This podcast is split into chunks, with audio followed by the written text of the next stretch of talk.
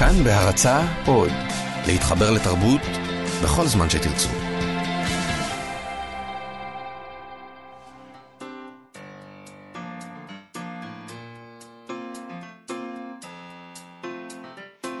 מה שכרוך עם יובל אביבי ומה יעשה לה.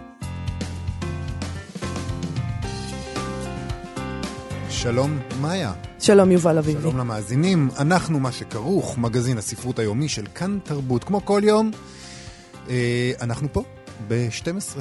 אה, ניתן להזין לנו ב-104.9, 105.3 FM, באתר אינטרנט של כאן, באפליקציה, בעמוד הפודקאסטים, התוכנית הזאת וכל קודמותיה עולות, וגם התוכניות האחרות של כאן תרבות הנהדרות.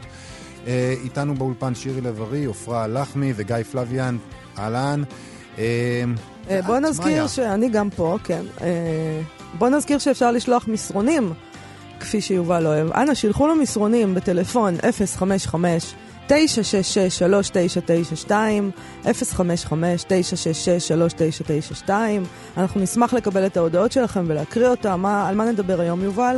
היום, תוכנית מאוד חשובה. מאורע ספרותי מתרגש עלינו. ביום שבת ייפגשו בתוך זירת האגרוף לוחם ה-MMA, אומנויות הלחימה המשולבות, קונור מגרגור, והמתאגרף האגדי, פלויד מת'ר, מיי וודר. מיי וודר. פלויד מאני מיי וודר. אז הם הולכים להתאגרף, אז אנחנו נעשה היום תוכנית על מכות ועל אגרוף ועל אלימות ועל, ועל כל העסק הזה. ואיך זה קשור לספרות? זה ספרות, זה העניין עצמו, זה, זה, זה, זה, זה, זה, זה עניין ספרותי, כן. טוב, אתה בעצם אומר שהכל זה מאורע ספרותי, אנחנו ממוטטים את הגבולות ומרדדים את ההגדרה של מה זה ספרות, וזה מה שאנחנו נעשה היום. קצת, קצת. אבל, אבל זה באמת, זה מאורע שמייצר דרמה גדולה. אנדרדוגים, פייבוריטים, שואו ענק, מסיבות עיתונאים סוערות. יש שם, יש שם סיפור, יש שם סיפור ענק, וזה, וזה אירוע גדול מאוד. מיליוני אנשים יצפו בזה בשידור חי, יצפו בקרב הזה בשידור חי. אה, שלא לדבר על סכומי הכסף שהאנשים האלה מקבלים. ערימות של דולרים. שזה כמובן מה שבסוף מעניין אותך, כסף. אה, אין מה לעשות. לא רק, לא רק. אוקיי, צריך אוקיי. להודות שחלק ניכר ממה שמעניין אותי כאן זה המכות עצמן. אה, אני אוהב מכות. כן. אני לא ידעתי את זה על עצמי עד לא מזמן, אבל כן, אני, אני ממש... טוב, אני מוכן לספר למאזיננו שאתה עושה בעצמך...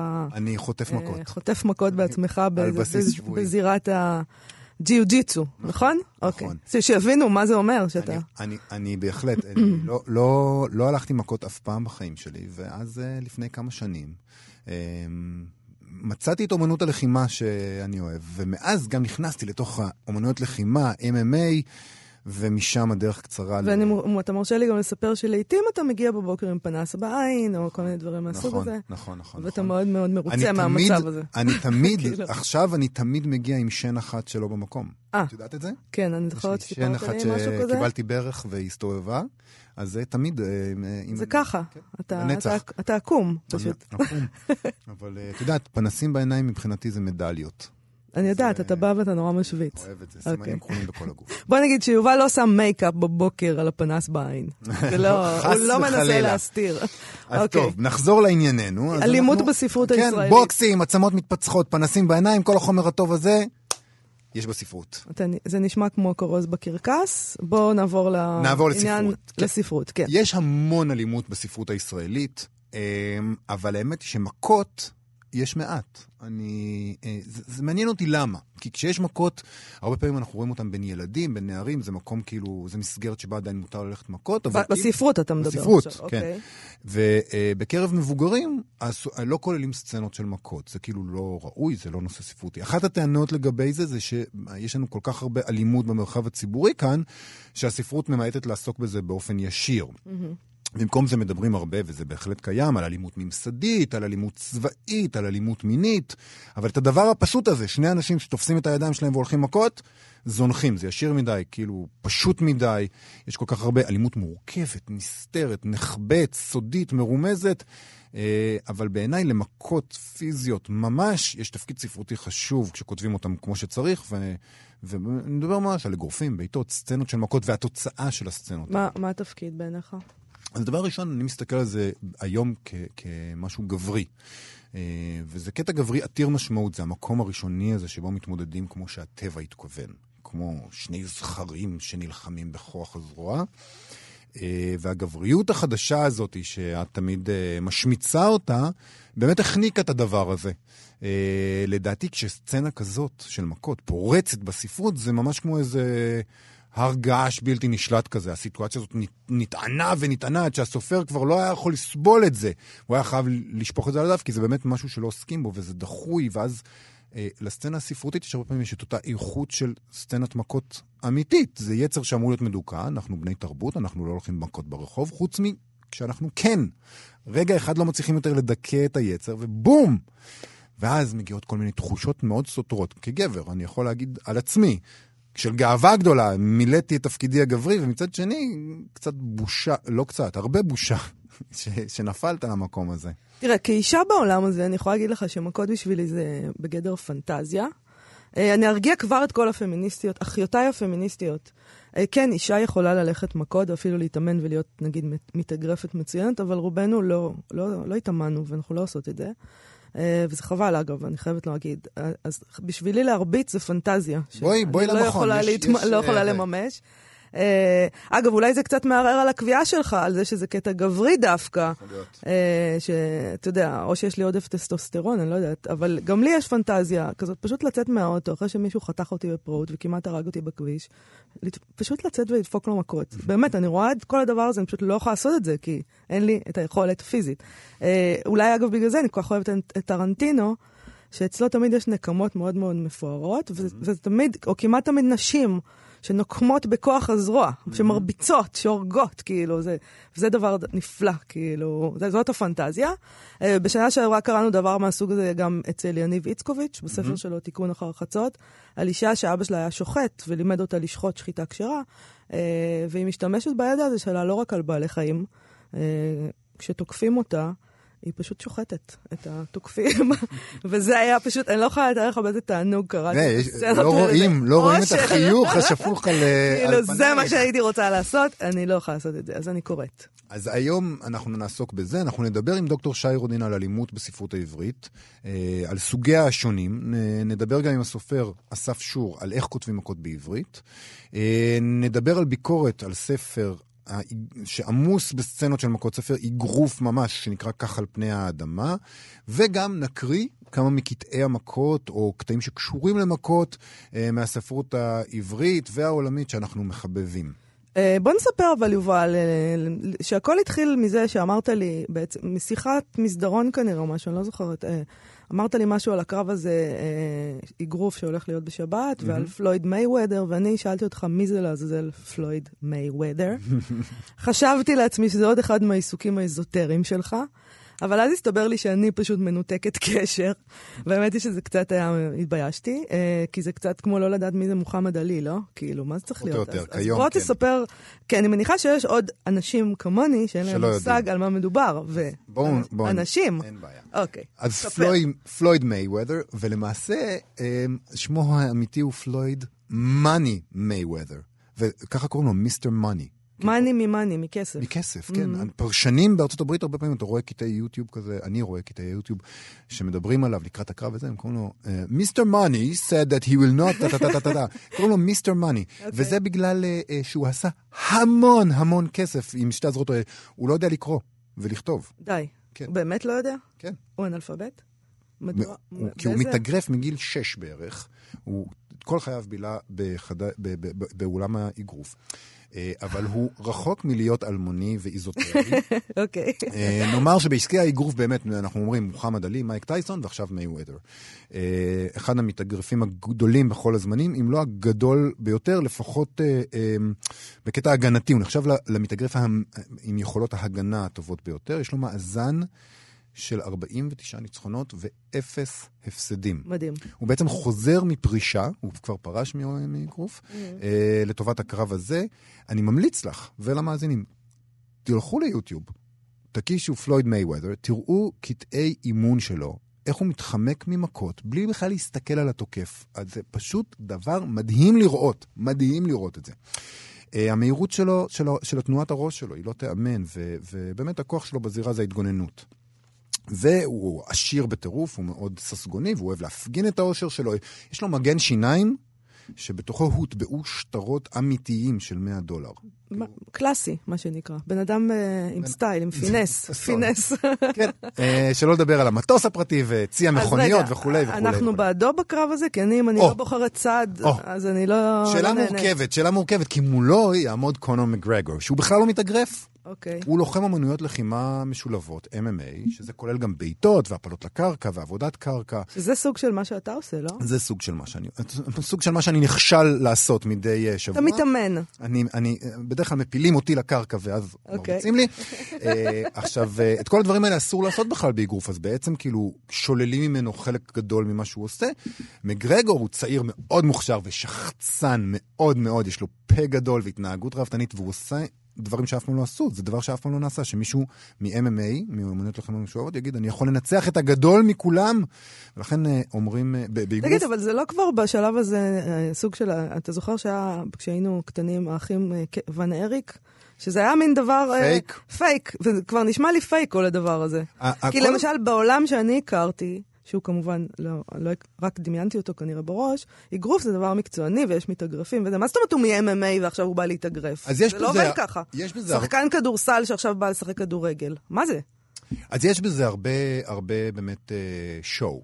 אוקיי. אבל כשנכנסים לזירה, זה אמיתי. בדאבל, בהיאבקות, וזה, גם כשנכנסים לזירה זה זיוף. אז נכון, הם לומדים איך להפוך את זה לבידור, אה, וזה באמת הסיפור, יש שם המון, זה, זה הספרות. להפוך את זה לסיפור, להפוך את זה לשואו, להפוך את זה ל... ל אה, ו, ואם שאלת בעד מי אנחנו, אני חייב להיות בעד מקגרגור, כי הוא לוחם MMA, וזה כאילו יותר מה שאני, זה יותר, אני יותר אוהב את זה.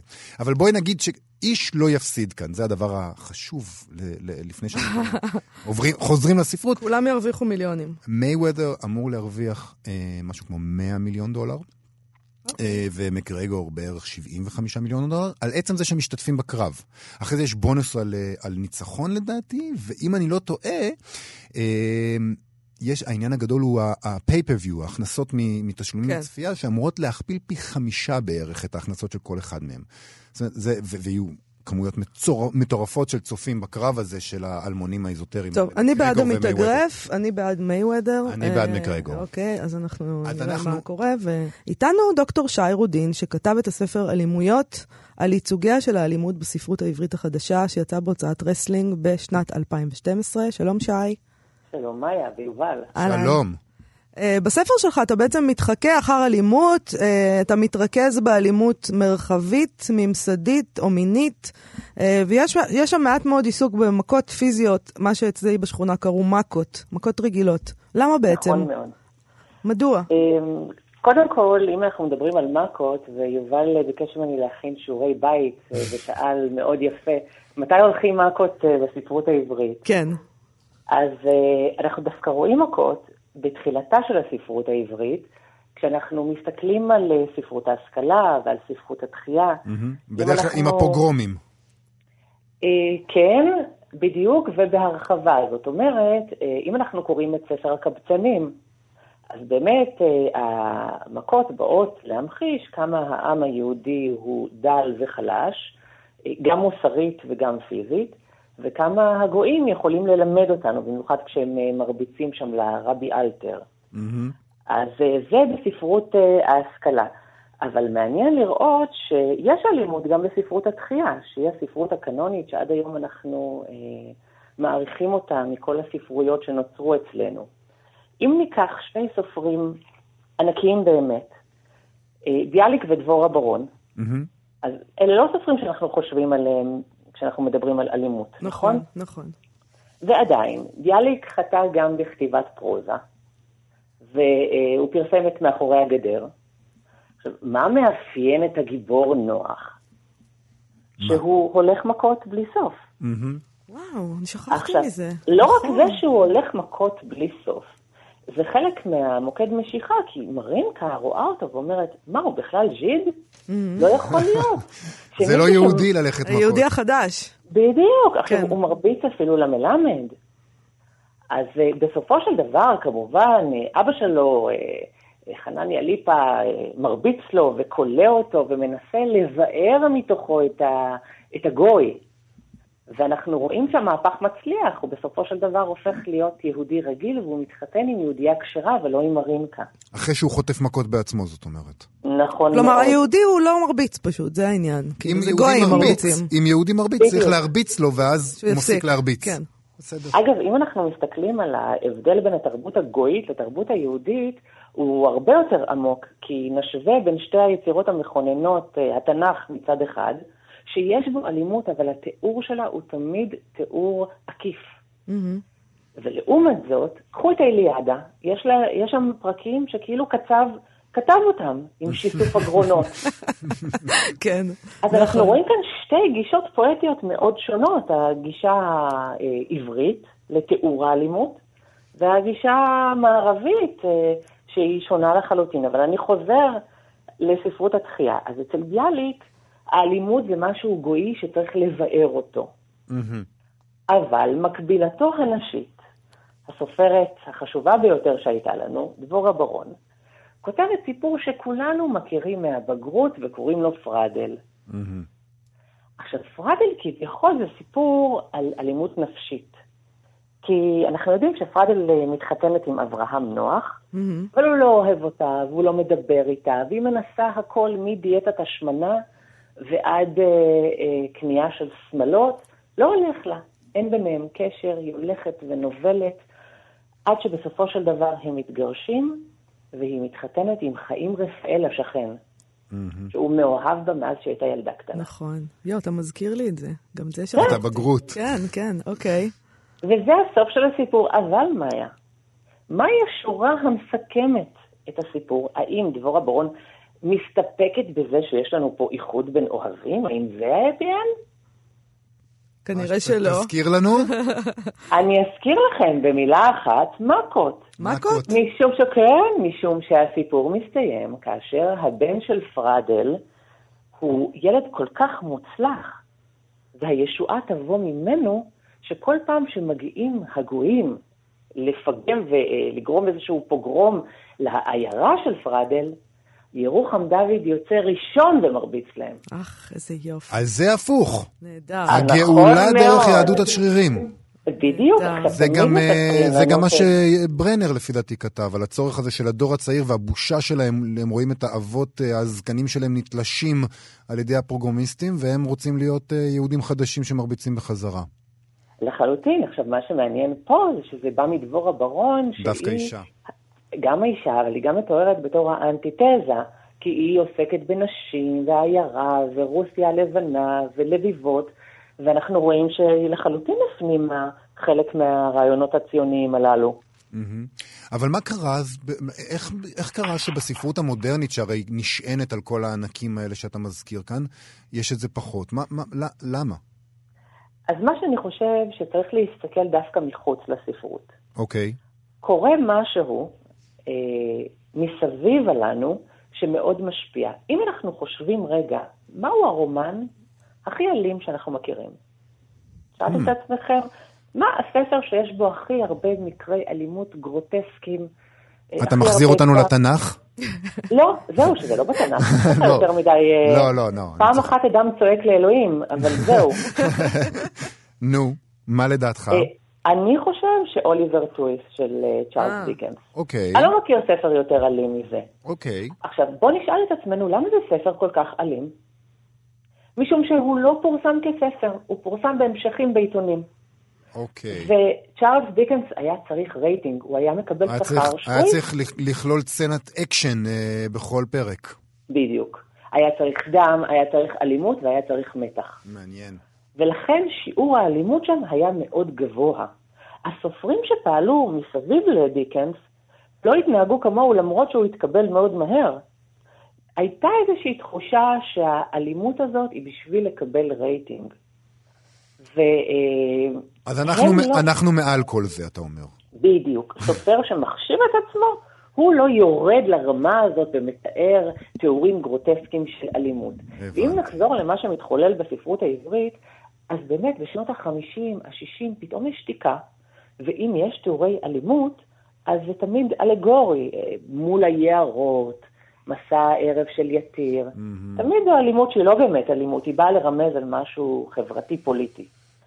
ואני חושבת שיש לזה גם קשר לעלייה המטאורית של הקולנוע האלים, כי מאז יש הפרדת רשויות. אה, הקולנוע לוקח את המאקות, והספרות uh, מתעסקת בזה בצורה יותר מעודנת. בדיוק. שנות ה-50, ה-60, הרי אלה שנים של סרטי מפלצות והיצ'קוק. פתאום הקולנוע הופך להיות האתר האלים. Mm, ואז. הסופרים הולכים למקום שהוא אנטיתזה. אנחנו נתאר או בצורה עקיפה או יותר את נפש האדם, ולא נלך למקומות הפופולריים יותר. בישראל אנחנו יכולים לראות את הקאמבק של האלימות בשנות ה-80, וזה? עם העלייה של ספרות הנשים. אה, שוב אנשים מחזירות את האלימות. לחלוטין, לחלוטין. בגלל המודעות הפמיניסטית, מתחילה עם זה עמליה כהנא כרמון, אה, למעלה במונטיפר, אתה יודע, חטיפה של אישה יהודייה, אה, סחר בנשים, אה, היא הראשונה שכותבת על זה בספרות העברית. אז אוקיי. מרגע שעמליה כהנא כרמון בעצם שמה את הזרקור על אלימות של גברים נגד נשים, כל הספרות שבאות אחריה אה, יונקות ממנה וממשיכות את הקו הזה. בקיצור, יובל, אתה... מאיתנו תבוא לכם הגאולה כן, בסוף. אני מדבר על זה, גברים, לעשות. גברים, גברים, גברים. גברים, גברים, ובסוף בסוף נשים. נשים. טוב, אה, אה, דוקטור שי רודין, אנחנו... זה היה מאוד מאוד מעניין, אה, ותודה רבה שדיברת איתנו. תודה לכם. תודה, להתראות. ביי. ביי. טוב, אני רוצה לחזור לסופר, באמת אהוב עליי ואהוב על המונים, אה, קרל אובה קנאוסגרד, שכבר הקראנו ממנו השבוע, אה, מהספר החדש שלו, יובל, אתה בעיקרון מוכן לקבל תוכנית של שעה ביום שתקריא את- קנאוסגרד. את קנאוסגרד, וזה נכון? ייקח איזה 20 שנה, כי הוא כתב. בעוד 20 שנה נסיים את התוכנית הזאת, כן. קדימה. אה, בכרך השני של סדרת המאבק שלי, גבר מאוהב, הוא פונה ל- לעסוק באגרוף אה, דרך חבר שלו, שנקרא גייר בספר. זה, חבר, זה אדם אמיתי. הוא כתב ספר שלא תורגם לאנגלית ולא תורגם לעברית, שנקרא האסתטיקה של האף השבור. אה, אני מקריא. 11 שנים אחר כך הוא, כלומר גייר, שלח לי ספר בדואר. הספר עסק באגרוף, שמו היה האסתטיקה של האף השבור. פזיזותו ויכולתו לפשט ולהתגבר על מכשולים לא נפגעו, כך קבעתי אחרי כמה עמודים. ובדרגה הגעתי גם למסקנה שתכונות רבות נוספו להן מאותם ימים, זאת אומרת, כשהם הכירו כצעירים יותר. שלוש שנים הוא התאמן במועדון אגרוף בסטוקהולם כדי להתקרב לסביבה שתיאר. סביבה שבה נשמרו עדיין ערכים שמדינת הרווחה הפחיתה מחשיבותם, כמו גבריות, כבוד, אלימות וכאב. הדבר המעניין בשבילי היה כמה שונה נראתה החברה כשמסתכלים עליה משם, עם סט הערכים שמבחינת המתאגרפים היו נעלים. הטריק היה לפגוש את העולם הזה ללא המטען מהעולם האחר. לנסות לראותו כמות שהוא, כלומר בתנאים שלו. ואז, כשאלה משמשים לך בסיס, להפנות שוב את מבטך כלפי חוץ. פתאום הכל נראה אחרת. בספרו קושר גייר את מה שהוא רואה, מת- הוא מתאר לתרבות נשגבת, אנטי-ליברלית, בקו שיוצא מניטשה ומיונגר ומגיע עד יוקיו, משימה ואמיל צ'ורן. בעולם הזה שום דבר אינו עומד למכירה. דבר אינו יכול להימדד לפי ערך הכסף. ותוך כדי כך, או במבט משם, גיליתי עד כמה דברים שהאמנתי שהם מולדים, שכמעט חלק ממני, היו למעשה ההפך הגמור. כלומר, יחסיים ומקריים. במובן זה ספרו של גייר היה חשוב עבורי ממש כפי שפסלים של מישל סרס היה בזמנו. הספר שבו המימד הארכאי שבו אנו שקועים, ותמיד היינו שקועים, מתגלה בבהירות מדאיגה, וכפי שהיה המילים והדברים של מישל פוקו, שבו האחיזה של ההווה ושפת ההווה ברעיונות ובתפיסת המציאות שלנו נחשפת במלואה. אפשר לראות בו כיצד עולם מושגי אחד שכולם חיים בו את חייהם במלואם, מתחלף באחר. המשותף לכל הספרים האלה היה מיסודו של מקום מחוץ להווה, בין אם בשולב, כלומר בזירת האגרוף, שהייתה מעין מובלעת שבה כמה מערכיו החשובים של העבר הקרוב הוסיפו להתקיים, או במעמקי ההיסטוריה, הנקודה שממנה מה שאנחנו, או מה שהאמנו שאנחנו, עברה מהפך קיצוני. אני הייתי יכול להמשיך, הוא ממשיך לדבר על אגרוף, אבל אנחנו נעצור כאן. אני חושב שזה ברור מאוד שאצלו האגרוף זה לא רק אגרוף, הוא, הוא המאבק הפיזי, הצורך לקבל ולתת מכות, הוא חלק מהתנגדות לאיזו כפייה בורגנית שהוא חש שמסרסת אותו, שבה אבות חולקים את הטיפול בילדים ונאלצים לדכא את היצרים הגבריים שלהם. זה מאוד בולט בספר הזה ובכלל אצלו. ו... ו... אבל אני חושב שזה העניין, כאילו חלק מאי האפשרות לכתוב בספרות על מכות הוא האיום הגדול בזה על הגבריות החדשה. כי זה מציג משהו טבעי יותר שהדחקנו ו... וכאילו לא, הוא אסור. תשמע, אני חושב, הספרות היא באה אחרי החיים, זה לא אי האפשרות לכתוב, זה אי האפשרות להיות, לחיות. זה חיים שלמים שכאילו אנחנו חיים בהעמדת פנים ליברלית, מוסרנית, שחונקת את כולנו. והמכות הן כמובן מבחינתי עניין מטאפורי כמובן, mm. כל הכבוד למכות. אה, אני לא מבינה שאתה, נוח לך להתייחס לזה ברצינות, אבל זה עניין מטאפורי. Okay. אוקיי. האנש, האנשים שמים את עצמם בסד של איסורים וכניעות, אה, וזה פיוטי לראות את הדרכים היצירתיות שבהן הנפש נלחמת בדבר הזה, מהתקפי חרדה ועד אלימות מוסדרת במכון הכושר, בחוג לאגרוף תאילנדי. זה לצד זה. כן, זה לצד זה. הכניעה זה לא דבר שהנפש שלנו מקבלת בקלות. אה, הניסיון לטהר את המרחב שבו אנחנו חיים מכל משהו אנושי בעצם, כלומר מטונף, אה, ולהפוך את עצמנו לאיזה על אדם כזה, שאתה יודע, כולנו אפים מפורקסים ומפודרים ונכונים ויפים. וצודקים וטהורים ומצקצקים, הנפש מצקצקת, צק צק צק, ולא אתן לכם, היא אומרת, אני לא ארשה לכם לעשות את זה.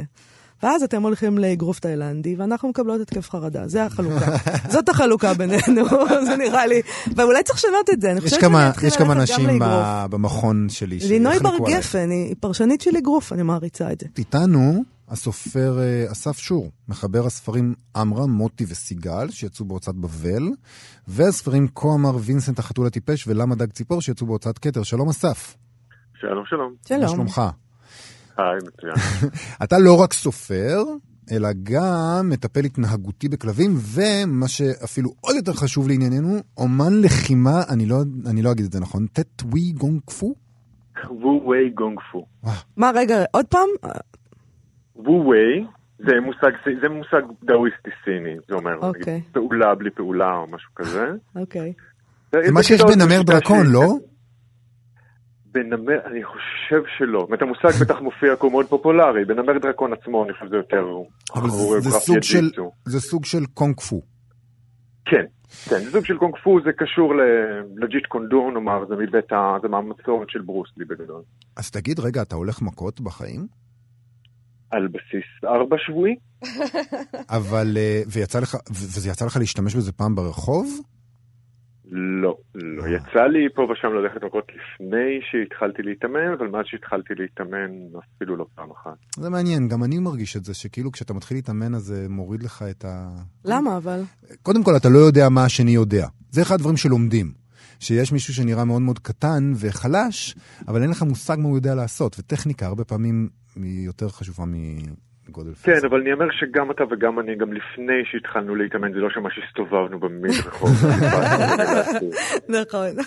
אבל כן יהיה איזה אאוטלט לצרכים האלה בספר הראשון שלך, עמרם. Uh, היו בו הרבה מאוד סצנות של מכות, הספר מתחכה אחרי שני הגיבורים שלך, שהם שני גברים שבחרו או נקלעו למצב שבו הם הולכים מכות. ורציתי לשאול אותך, כאילו, זה קשה לכתוב מכות? כאילו, זה דומה למה שאומרים על סקס בעברית, שאי אפשר לכתוב את זה כי זה, לא, זה תמיד יוצא עקום? וואי, השוואה מצוינת. אם זה קשה לכתוב מכות, תראה, אני חושב שקשה לכתוב כן, כי יש תמיד את השאלה של כמה אתה מצליח לעשות את זה בצורה שמצד אחד, בדיוק כמו לכתוב על סקס, שהיא אבוקטיבית, שהיא מעניינת, שהיא מעוררת משהו, ואז גם, אתה יודע, מה, מה זה מעורר? כאילו, mm-hmm. כשאתה כותב סקס, אתה יודע פחות או יותר, כן, איזה מין תחושות אתה רוצה לארגן, אבל כשאתה כותב אלימות, מה אתה רוצה להציג כאן? את הכיף של זה, כי זה נורא כיף גם, את הפחד, את הכאב. כן, יש כאן איזה מכלול מורכב, וכמו בכל סוג של כתיבה שבפוטנציה מאוד אבוקטיבית, נורא נורא קל גם להגזים עם זה. כן. כאילו גם ליפול לקיץ', גם ליפול לאיזה מין ספיישל אפקט כאלה שהם לא תמיד לטובת העניין. ולמה היה לך חשוב כל כך לכתוב את זה? את המק... אה, אני לא בטוח שהיה לי חשוב כל כך לכתוב את זה, זה פשוט דבר שהיה לי חדש אז והתעסקתי בו הרבה. היום זה אחרת? זה השתנה? זאת אומרת, היחס שלך למכות? בכתיבה? כן? בספרים האחרונים שלך יש פחות. כן, כן, גם, אתה יודע, כי אני לא רוצה לכתוב כל פעם אותו ספר, mm. אבל כן, לא, יש פחות, אני חושב שזה באמת פחות מעסיק אותי בתור נושא ספרותי. אז אמרת שיש הרבה דברים שאתה רוצה לעורר אצל הקורא, אז איך באמת, מה רצית לעורר? כאילו, מה, מה המכות מבחינתך כפיגורה ספרותית? תראה, אני חושב שבכתיבה של עמרם אחד הדברים המרכזיים היה גם איזושהי בחינת גבולות, אולי גם של עצמי, כי זה בכל זאת היה ספר ראשון וכן הלאה, אבל גם, גם איזשהם גבולות של עלילה, כן? כאילו אתה חי בסך הכל, כמו שאמרנו, אנחנו לא מחפשים מכות במדרחוב. והחיים שלנו הם בסך הכל דבר די שגור. כן, כאילו אני מאוד שמח בזה, אבל... כן, אבל לא. אני לא רוצה לחטוף מכות ברחוב. כן, כן, אפשר לארגן, אבל כן. אה, ועדיין, אני חושבת ששאלה, זאת אומרת, מה, מה פורץ את החיים שלנו ויוצר איזשהו סיפור, איזושהי עלילה, והרבה פעמים, כן, זה כל מיני מקרים שהם, שהם חריגים. ומה יותר חריג במציאות החיים של רובנו מאשר באמת אלימות פיזית. אבל, אבל באמת יש שם, יש מכות אצלך בספר, אם אני חוזר למשהו שכתבת בעצם לפני עשר שנים, אה, זה יצא, אם אני לא טועה. אין שם הרבה הירואיות. הסצנה הראשונה באמרה זו סצנה שהוא הולך לשכן שלו, נכון? מיקי נדמה לי קוראים לו? והוא מתכנן איך הוא ידפוק לו מכות, ובסוף הוא חוטף מכות ולא יכול לצאת מהבית שלושה שבועות, כי, כי אם הוא יראה את, הפנ... את הפנסים שלו אז הוא יבין אה, מי זה היה. כן. אין שם משהו הירואי, יש שם הרבה עליבות. כן, תשמע, אני חושב שזה באמת, אה, שזה באמת נכון לגבי מכות באופן כללי, כן? שאין דבר עלוב? זאת אומרת, אנחנו... לא דווקא שאין דבר עלוב, אבל שאין דבר מאוד מלוכלך. אה, אוקיי. כאילו, לא תמיד דבר נעים, אתה יודע, יש גם את ה... אני לא יודע כמה פעמים באמת יוצא לך לפצוע מישהו או, או להיפצע בעצמך באימונים. אבל יוצא. כן, אבל איכשהו, אוקיי, ותסכים איתי שה- שלהיפצע בעצמנו, אתה יודע, זה כאילו יש בזה, זה לא כיף אחר כך לחזור הביתה, אבל אתה כן מרגיש קצת גיבור וכן הלאה. נכון. אבל לפצוע מישהו אחר זה נורא. איומה. איום ונורא. איומה, אפילו כשמגיע לו. כן, זה די נכון. משוכנע שזה נכון גם מחוץ לאימונים. אתה חושב שזה נכון גם מחוץ לאימונים? אם, אם למישהו מגיע והכנסת לו מכות, אז זה אתה מרגיש קשה. לא טוב עם עצמך? לא תראי, יודעת, אף פעם השאלה היא לא גם מה זה מכות. מגיע. חושב לא יודעת, הוא העליב את אימא שלך, הוא אמר לך שאימא שלך זונה. אני לא יודעת מה, כאילו. זה- למה הגברים אוקיי. הולכים מכות? זה? אימא שלי תטפל בו, אבל תראה, יש כאן איזו שאלה שהיא כפולה, כן? זאת אומרת, מצד אחד, השאלה שלה מה זה מגיע, כל כך הרבה מקרי אלימות, אני חושב בגדול, הם, הם חורגים הרבה מגבול המגיע, כן? נכון. אם דיברתם, נדמה לי קצת קודם, על, על למה גברים הולכים להתאמן, וגם נשים. כן. אגב, אצלנו יש הרבה מתאמנות נשים, ויש לי עכשיו מתאמנת בהכשרה, ב- כאילו בהכשרה לאימון, לי לא מתאמנת בעצמה שהיא אישה, זאת אומרת, זה לא תחום שהוא אך ורק גברי. כן. כן? אבל מעבר לתועלות שלו, אני חושב שהשאלה של, של למה הולכים מכות, כן, בטח משעה שעמדת על דעתך, היא באמת שאלה נורא נורא מלוכלכת ומורכבת. כאילו, כן. מחוץ לז'אנר קולנועי נורא נורא נורא ספציפי, מתי באמת יש לך את המקרה הזה שהוא בדוק בוודאות בדיוק מקום שאך ורק אלימות פיזית תפתור אותו? הפנטזיה הזאת, שאני, תרחישים, כן? הפנטזיה הזאת של נשים, שכשהן הולכות ברחוב, אם מישהו יתקוף אותן, זה הפנטזיה, אז הם פשוט יכסחו לו את הצורה, כאילו, ואז זה הכי מוצדק, והם ירגישו גם טוב עם עצמם. אוקיי, הנה, אז זה, זה באמת מקרה אחד. כן. זה הרגע הזה, זה הרגע הזה שכאילו, הנקמה האמיתית, כאילו. תקפת אותי ויש לי כן. חגורה שחורה בקראטה, וחבל לך על הזמן. יש לי שאלה, שאלה אחרונה, כי אנחנו, זמננו קצר. אנחנו דיברנו מקודם עם דוקטור שי רודין על זה שבעצם באלימות, אה, בספרות הישראלית, אה, הרבה פעמים האלימות היא ממסדית או, או, או, או שלטונית או, או צבאית, ובאמת מכות יש מעט. למה אתה חושב? למה אנשים נמנעים? אה, אני חושב שגם אולי זה לא מה, ש... מה שתופס את העין של רובנו בתור באמת ספרות יפה.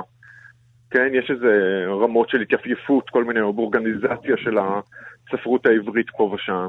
נכון.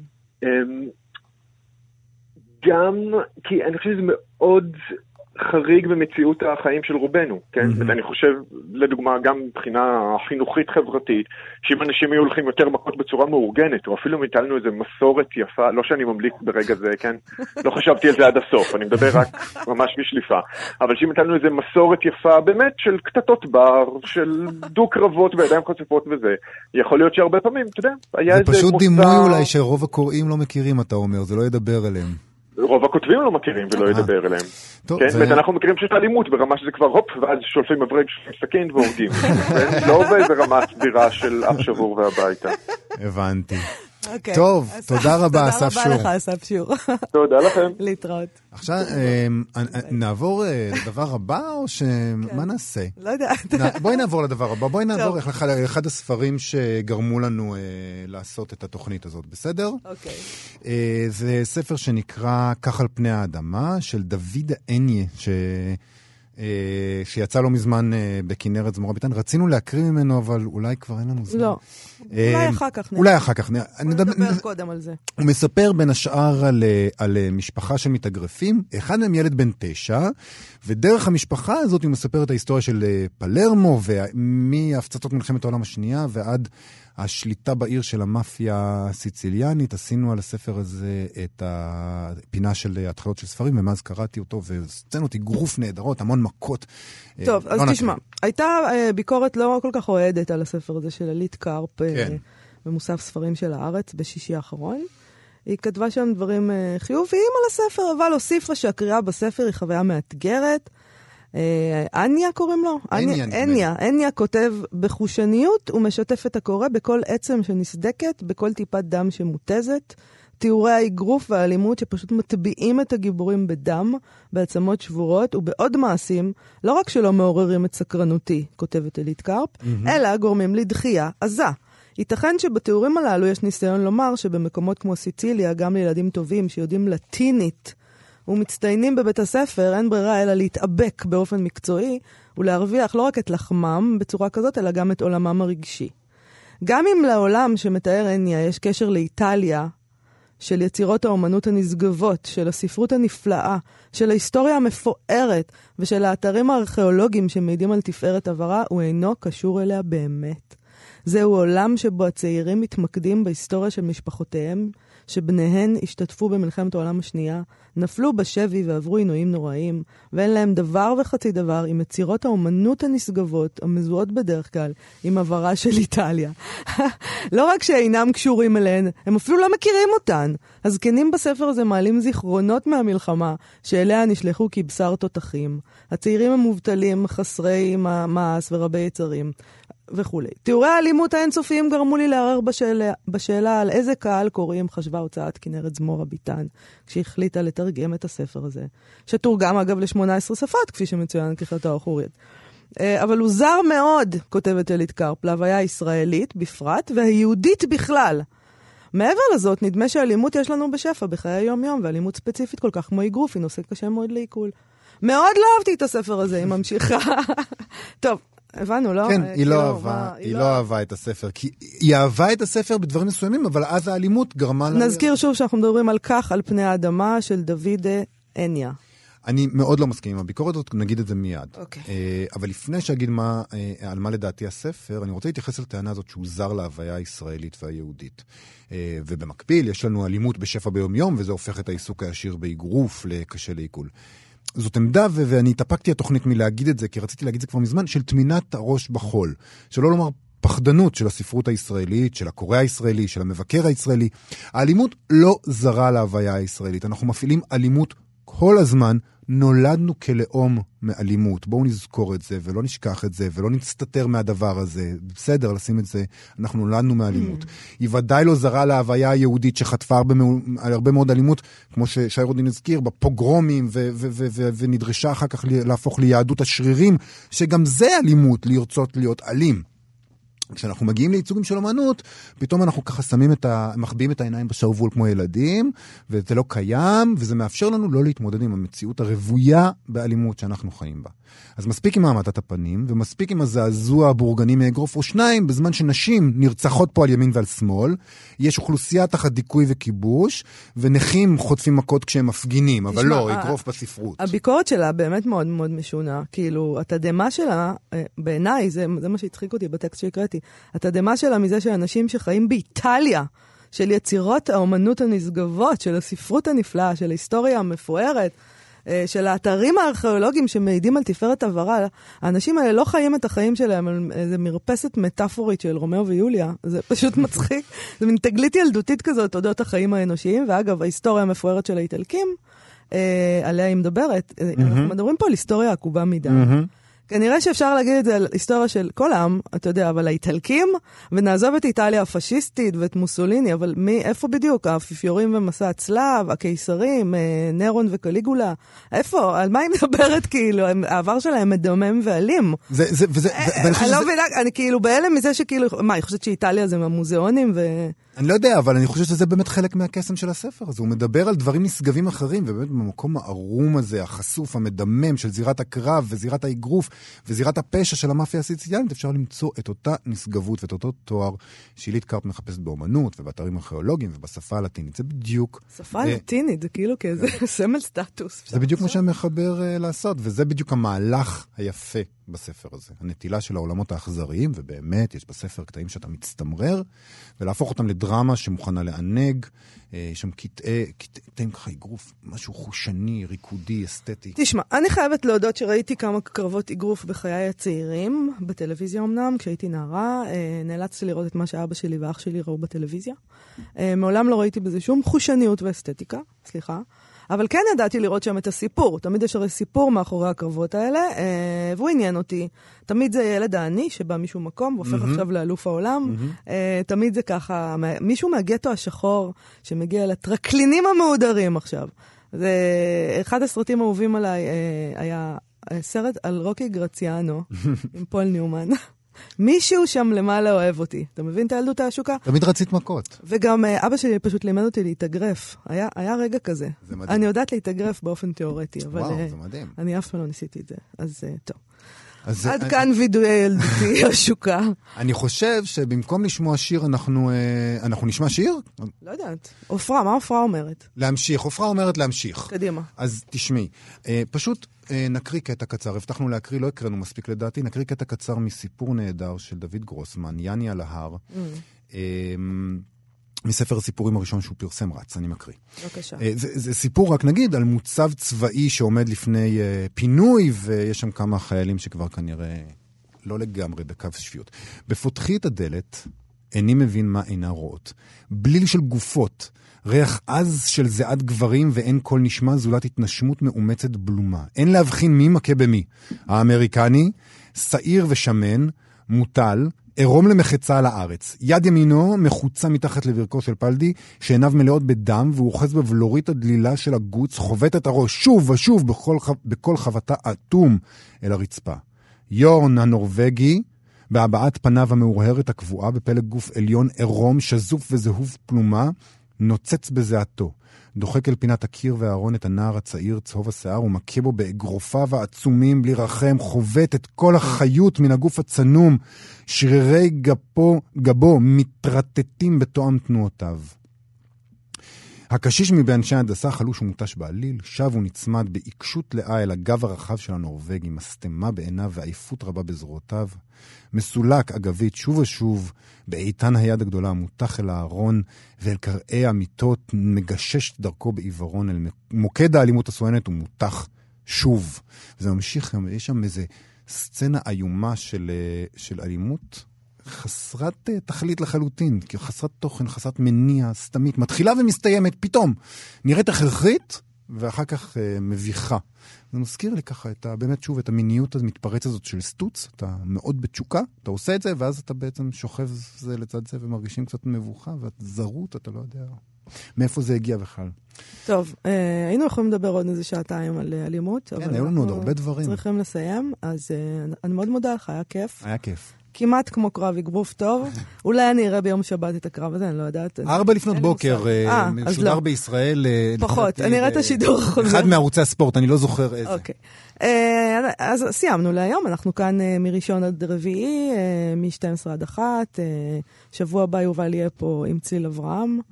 נכון, יובל? נכון, נכון. תוכל להשמיץ. אותי ולטנף עליי, ואני מצפה לזה גם. אז. חכי חכי. אני לא מצפה לפחות מממש השמצות. אה, 104.9 ו-105.3 FM, אתם יכולים לשמוע אותנו באתר האינטרנט של כאן, או באפליקציה כאן אודי, או בעמוד הפודקאסטים שלנו. תודה רבה לעופרה לחמי הנהדרת, לשירי לב-ארי, לגיא פלוויאן, ליואב. כהן. אה, להתראות. להתראות.